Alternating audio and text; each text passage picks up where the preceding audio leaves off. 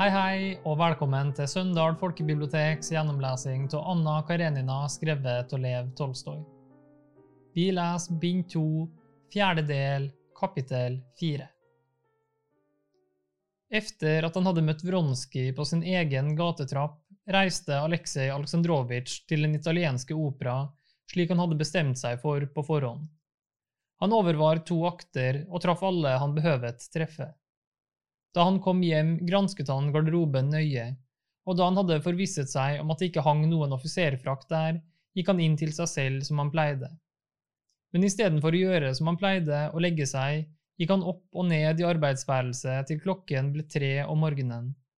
Sinnet han følte mot hustruen fordi hun ikke ville bevare anstendigheten og oppfylle den eneste betingelse han hadde satt, at hun ikke skulle motta sin elsker hos seg, ga ham ikke fred. Hun hadde ikke oppfylt hans krav, og han måtte straffe henne og iverksette sin trussel, kreve skilsmisse og ta sønnen fra henne. Han kjente til alle de vanskelighetene som ville være forbundet med en slik sak, men han sa til seg selv at han skulle greie det, og at han nå måtte gjøre alvor av trusselen.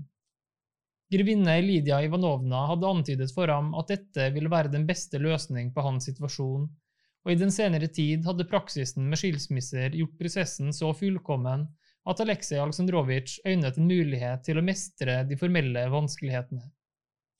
Dessuten kommer en ulykke sjelden alene, og saken om overrisling av markene i guvernementet Sarasjk hadde skaffet Aleksej Aleksandrovitsj så mange fortredeligheter i tjenesten at han hele denne siste tiden hadde vært ytterst pirrelig.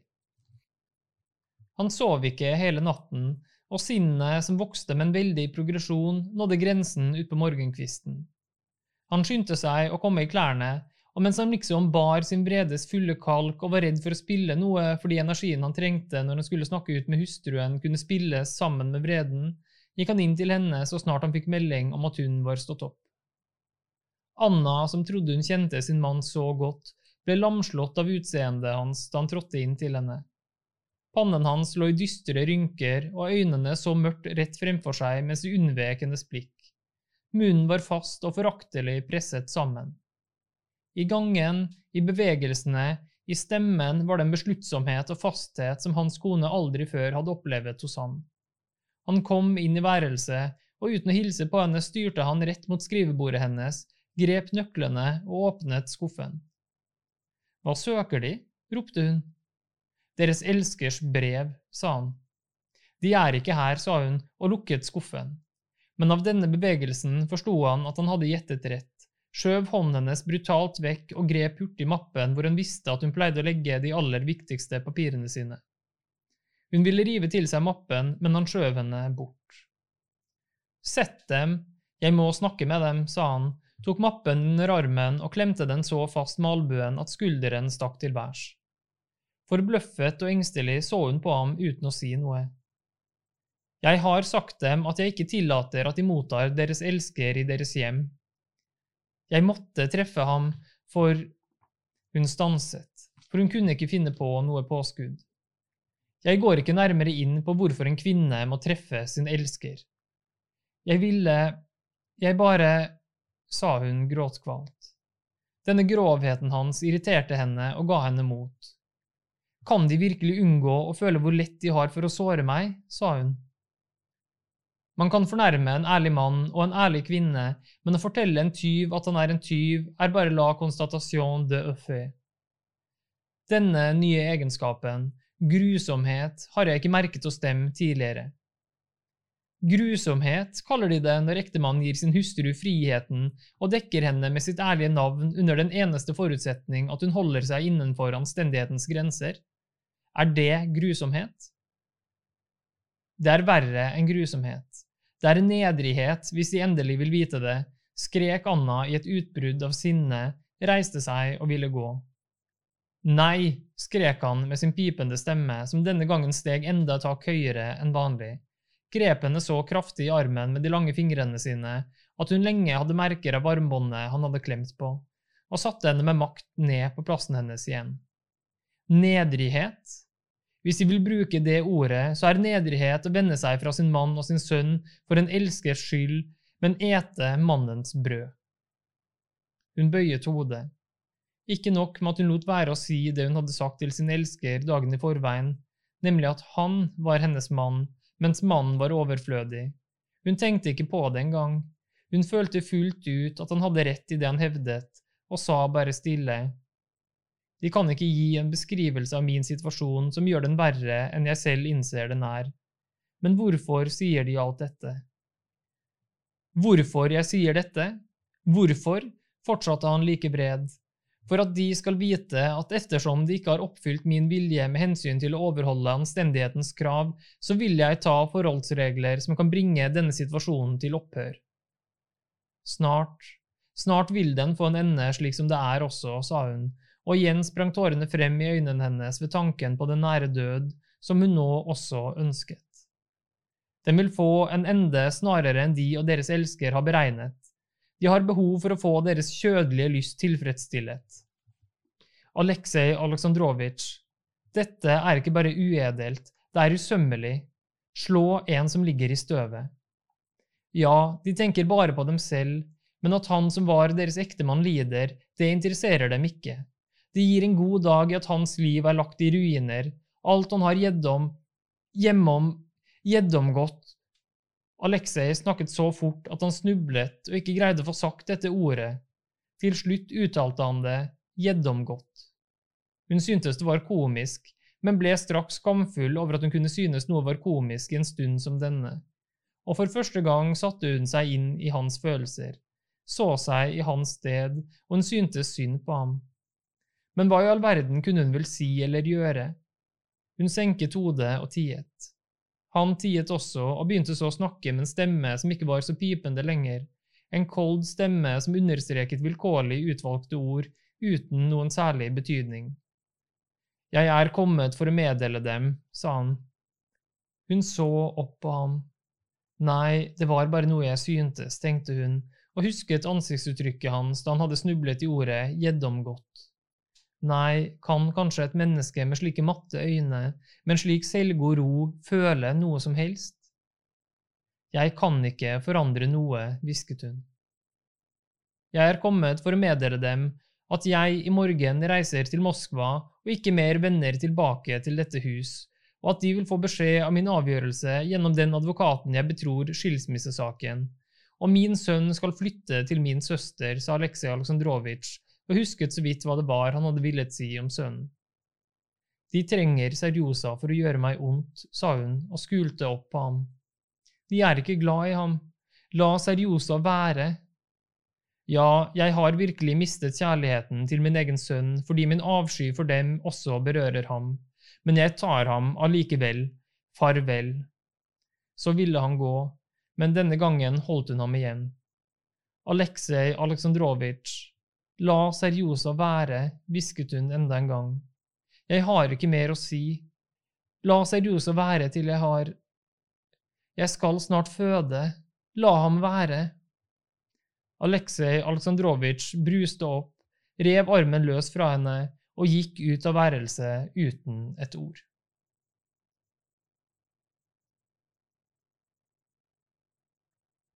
Kapittel 5 Venteværelset hos den berømte Petersburg-advokaten var fullt da Aleksej Aleksandrovitsj kom inn. Tre damer, en gammel, en ung og en kjøpmannskone, tre herrer, først en tysk bankier med ring på fingeren, dernest en kjøpmann med helskjegg, og for det tredje en bisk embetsmann i hverdagsuniform og med et ordenskors om halsen, hadde tydeligvis ventet lenge allerede. To assistenter skrev ved hvert sitt bord, og riktig krasset med pennene. Skriveutstyret, en ting Aleksej Aleksandrovitsj var en stor livhaber av, var ualminnelig godt. Aleksej Aleksandrovitsj kunne ikke la være å bemerke det. Uten å reise seg og med sammenknepne øyne henvendte en av assistentene seg barskt til Aleksej Aleksandrovitsj. Hva ønsker de? Jeg må tale med advokaten. Advokaten er opptatt, svarte assistenten strengt pekte med pennen på de ventende og fortsatte å skrive. Kunne han ikke finne tid, sa Aleksej Aleksandrovitsj. Han har ingen ledig tid, han er bestandig opptatt. Behag å vente. Men så kunne jeg kanskje bry dem om å be dem gi ham mitt kort, sa Aleksej Aleksandrovitsj verdig da han skjønte han måtte oppgi sitt inkognito.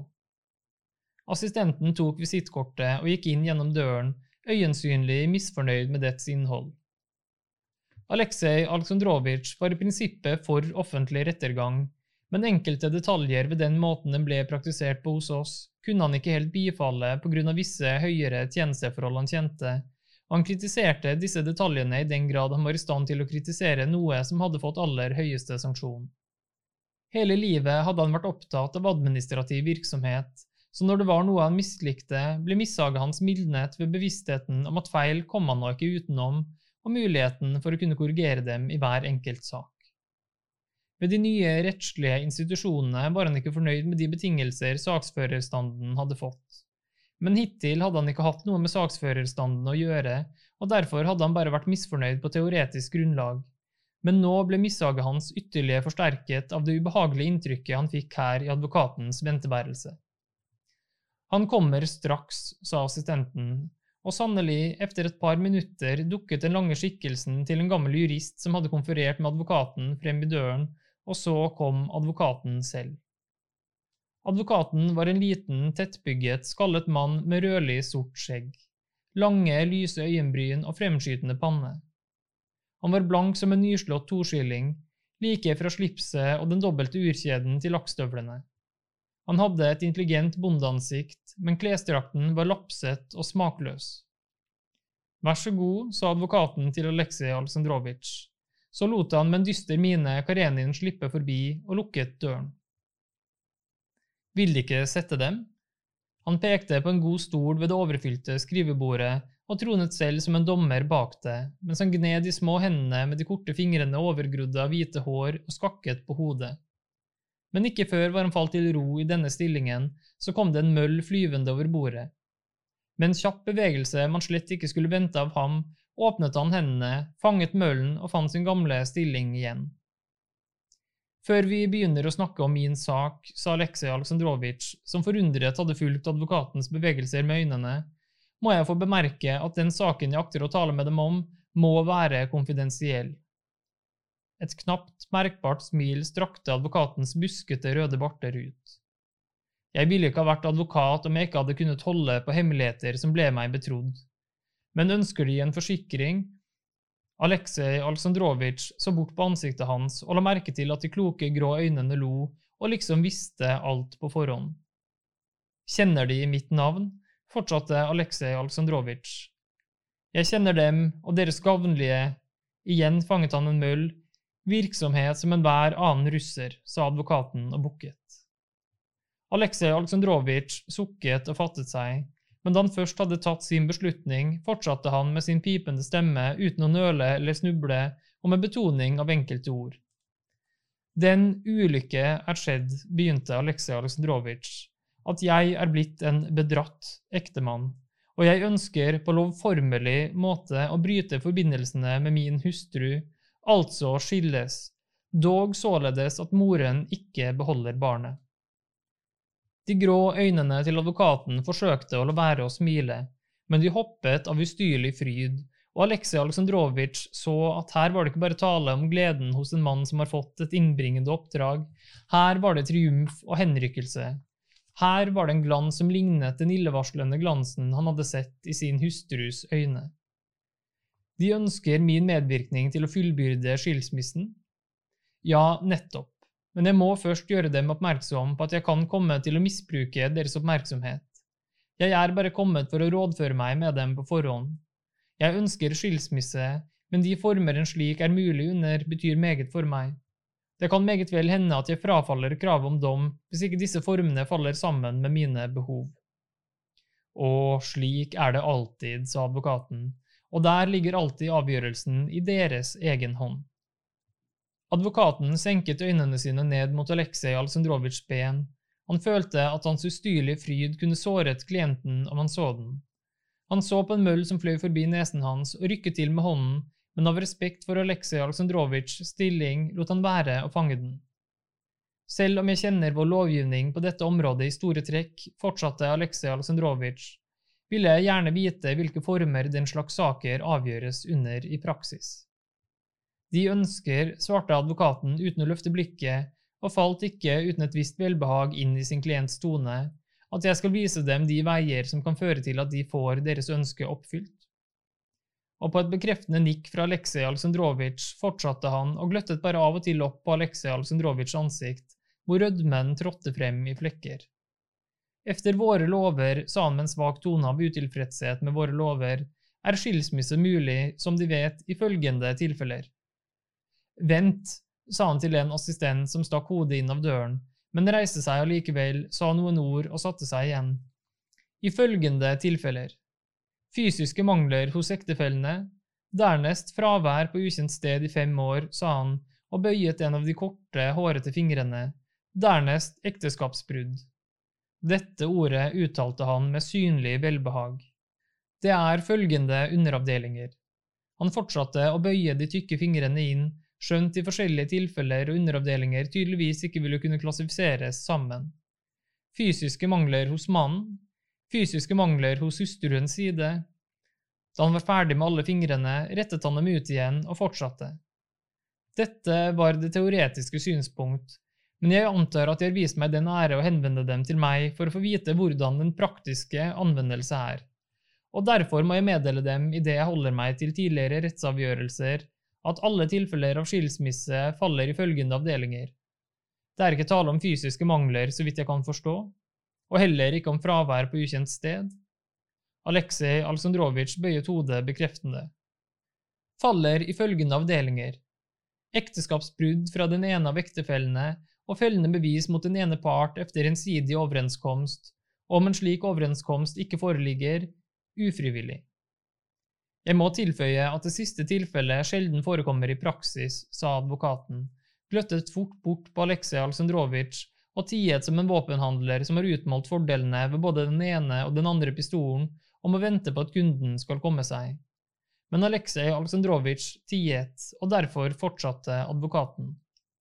Mest alminnelig, greit og fornuftig, synes jeg, er ekteskapsbrudd etter gjensidig overenskomst. Jeg ville ikke tillate meg å uttrykke meg slik overfor et mindre utviklet menneske, sa advokaten, men jeg antar at vi forstår det. Aleksej Aleksandrovitsj var imidlertid så nedbrutt at han ikke straks innså hvor fornuftig ekteskapsbrudd etter gjensidig overenskomst var, og lot denne nølingen komme til uttrykk i blikket. Men advokaten kom han straks til unnsetning. Folk greier ikke leve sammen lenger, det er saken, og hvis begge er enige om det, blir detaljene og formalitetene likegyldige, og samtidig er dette det enkleste og sikreste middel. Nå forsto Aleksej Alsendrovitsj alt, men han hadde religiøse fordringer som ikke tillot ham å vise slikt måtehold. Det kommer ikke på tale i dette tilfellet, sa han. Her er bare ett tilfelle mulig. Ufrivillig, fellende bevis bekreftet med brev jeg har. Da brevene ble nevnt, presset advokaten leppene sammen og ga fra seg en fin, medlidende og foraktelig lyd. La meg gjøre dem oppmerksom på, begynte han, saker av den art avgjøres, som de vet, av de geistlige myndigheter, og de herrer overprestene er store elskere av selv de minste detaljer i den slags saker, sa han med et smil som røbet sympati for overprestenes smak. Brevene kan utvilsomt delvis bekrefte faktum, men bevisene må være fremkommet av direkte vei, vil si ved vitner. I det hele tatt, hvis de vil vise meg den ære å verdige meg deres tillit, så overlat til meg å velge de midler som må til. Den som vil vise noe resultat, sier ikke nei til midlene. Hvis det er så, begynte Aleksej Aleksandrovitsj og ble plutselig blek, men i samme stund reiste advokaten seg og gikk bort til døren igjen til en av assistentene som nå avbrøt ham. Si henne at vi ikke handler med billig kram, sa han og kom tilbake til Aleksej Aleksandrovitsj. På vei tilbake til plassen sin fanget han enda en møll. Ripstrekket mitt skal se nydelig ut til sommeren, tenkte han surt. Altså, de sa, sa han. Jeg skal meddele dem min avgjørelse skriftlig, sa Aleksej Aleksandrovitsj idet han reiste seg og støttet seg til bordet. Efter å ha stått litt uten å si noe, sa han, av deres ord kan jeg altså slutte at det er mulig å oppnå skilsmisse. Jeg vil også be dem meddele meg deres betingelser. Alt er mulig, bare de gir meg full handlefrihet, sa advokaten uten å svare på spørsmålet. Når kan jeg regne med å høre fra dem? spurte advokaten mens han gikk mot døren og glimtet både med øynene og lakkstøvlene. Om en uke, og deres svar om hvorvidt de vil påta dem i å ivareta denne saken for meg, samt deres betingelser, vil de kanskje være så vennlig å sende meg? Så gjerne. Advokaten bukket ærbødig, slapp sin klient ut av døren og ga seg så ende over til sin fryd da han var blitt alene. Han ble så glad at han brøt sine prinsipper og slo av for fruen som prutet, og sluttet å fange muld, for nå hadde han endelig bestemt seg for å trekke møblene om med plysj, som Sigonin hadde gjort.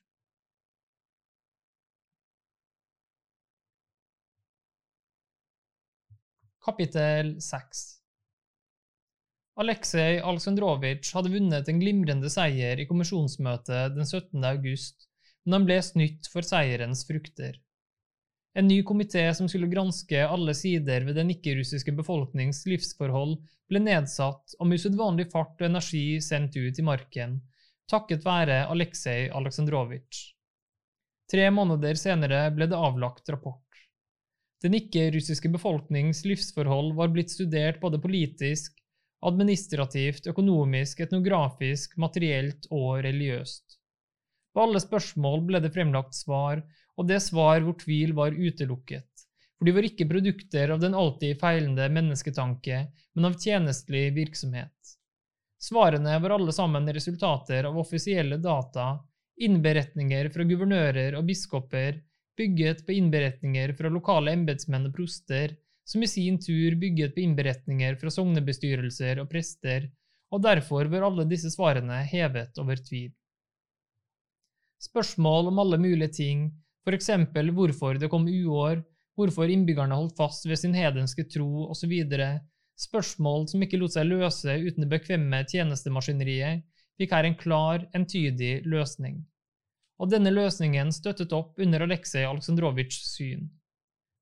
Men Stremov, som hadde følt seg ille berørt på siste møte, brukte en taktikk som kom uventet på Aleksej Aleksandrovitsj da kommisjonen fikk innberetningene.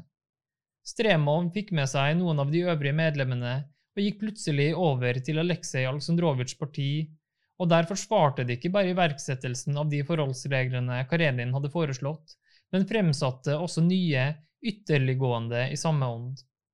Disse forholdsreglene gikk enda videre enn det som hadde vært Aleksej Aleksandrovitsjs grunntanke, og da de ble vedtatt, trådte Stremovs taktikk klart frem. Disse forholdsreglene drevet ut i ytterligheter, viser seg med ett så tåpelige at både statsmenn, den offentlige mening, fornuftige damer og aviser alle kastet seg over disse forholdsregler og ga uttrykk for sin misnøye, både med selve tiltakene og med deres allment anerkjente opphavsmann, Aleksej Aleksandrovitsj. Stremov trakk seg imidlertid unna og lot som om han bare blindt hadde fulgt Karenins plan, og nå selv var forundret og opprørt over det som var blitt gjort. Dette stilte Aleksej Aleksandrovitsj i en pinlig situasjon. Men til tross for sviktende helbred, til tross for familiesorger, ga Aleksej Aleksandrovitsj ikke opp. Kommisjonen ble splittet. Noen medlemmer med Stremov i spissen unnskyldte sine feil med at de hadde trodd på den revisjonskomiteen som hadde stått under ledelse av Aleksej Aleksandrovitsj, og som hadde fremlagt sin innberetning, og nå hevdet de at innberetningen fra denne komiteen bare var vrøvl og blekksmøreri. Aleksej Aleksandrovitsj og et parti som så en fare i en slik revolusjonær innstilling til papirer, fortsatte å støtte de opplysningene revisjonskomiteen hadde utarbeidet. Som en følge av dette var alt et eneste virvar i de høyeste sfærer og endog i det bedre selskap, og enda det interesserte alle i høyeste grad, var det ingen som greide å forstå om den ikke-russiske befolkning virkelig led nød og gikk sin undergang i møte, eller om den blomstret. Som en følge av dette, og delvis også som en følge av den forakt hans hustrus utroskap gjorde ham til gjenstand for, var Aleksej Aleksandrovitsjs stilling blitt høyst usikker. Og i denne stillingen tok Aleksej Aleksandrovitsj en viktig beslutning. Til kommisjonens forundring erklærte han at han ville be om tillatelse til selv å reise for å studere saken på stedet, og da han hadde utbedt seg denne tillatelsen, dro han til sine fjerne guvernementer. Aleksej Aleksandrovitsjs avreise vakte et veldig oppstuss. særlig fordi han rett før han dro, skriftlig tilbakeleverte skysspenger for tolv hester som han hadde fått til bruk på reisen til bestemmelsesstedet. Jeg synes det var meget edelt gjort, sa Betzy angående dette til fyrstinne Mjagkaya.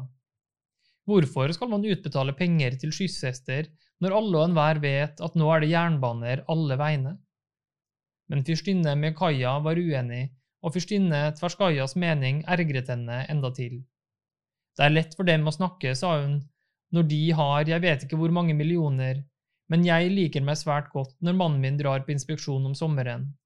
Han har bare godt og moro av å reise, og jeg har nå ordnet det så at de pengene rekker til både vogn og kusk.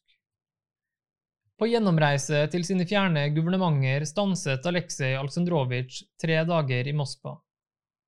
Dagen etter han var kommet, gikk han på visitt til generalguvernøren. På hjørnet av avisstredet, hvor det alltid er trengsel av vogner og drosjer, hørte Aleksej Aleksandrovitsj plutselig navnet sitt ropt med en så sterk og glad stemme at han ikke kunne annet enn snu seg. På hjørnet, i kort, moderne frakk, med en lav, moderne hatt på snei og med skinnende hvite tenner mellom de smilende, røde leppene, sto Stepan Arkadic og ropte både bestemt og energisk at han skulle stanse. Han holdt seg med den ene hånden fast i vinduet på en vogn som sto ved gatehjørnet, og hvor det stakk et damehode i fløyelshatt og to barnehoder ut, men den andre vinket han smilende på svogeren. Damen sendte ham også et varmt smil og vinket til ham. Det var Dolly og barna. Aleksej ville ikke treffe noen i Moskva, aller minst sin kones bror. Han lettet på hatten og ville kjøre videre, men Stepan Arkaditsj bød kusken hans å stanse og løp gjennom sneen bort til ham. Men hva skal det bety at du ikke har latt oss få vite noe? Er det lenge siden du kom? Og her i går var jeg hos du så og så Karenin på tavlen, men det falt meg da ikke inn at det skulle være deg, sa Stepan Arkadic og stakk hodet inn gjennom vognvinduet. Ellers ville jeg ha stukket innom. Så hyggelig det var å se deg, sa han der han sto og slo føttene mot hverandre for å riste sneen av. Nei, hva mener du med ikke la oss få vite noe, gjentok han. Jeg hadde ikke tid. Jeg har det meget travelt, svarte Aleksej Aleksandrovitsj tørt. Men kom nå til min kone, hun vil så gjerne se deg. Aleksej Aleksandrovitsj brettet bort pleddet han hadde tullet de frosne bena sine inn i, steg ut av vognen og vasset gjennom sneen bort til Darja Aleksandrovna. Hva er dette for noe, Aleksej Aleksandrovitsj? Hvorfor unngår de oss slik? sa Dolly med et smil. Jeg har vært meget opptatt. Gleder meg å se dem, sa han med en tone som tydelig fortalte at det bedrøvet ham. Hvordan står det til? Nå, hvordan har så min søte Anna det? Aleksej Aleksandrovitsj brummet et eller annet og ville gå, men Stepan Arkadijtsj holdt ham igjen. Men hør nå hva vi skal gjøre i morgen. Dolly, du får innby ham til middag. Vi ber Kosnysjov og Pestsjov, så kan vi betrakte ham med Moskva-intelligens. Ja, vær så snill å komme, sa Dolly. Vi venter dem gjerne i fem-seks-tiden om det passer. Vel, men hvordan har så min søte Anna det? Det er så lenge siden. Bare bra, brummet Aleksej Alsendrovitsj dystert. Gleder meg, så satte han kursen mot vognen sin. Kommer de? ropte Dolly. Aleksej Alsendrovitsj sa noe som Dolly ikke kunne oppfatte gjennom larmen av de kjørende vognene. Jeg kommer innom i morgen, ropte Stepen Arkaditsj efter ham. Aleksej Alsendrovitsj satte seg i kareten og trakk seg så langt inn at han ingen så, og ingen så ham. En ordentlig raring, sa Stepan Arkaditsj til konen, kikket på klokken, gjorde en bevegelse med hånden foran ansiktet som skulle vise at han var glad i konen og barna, og gikk kjekt i vei bortover fortauet.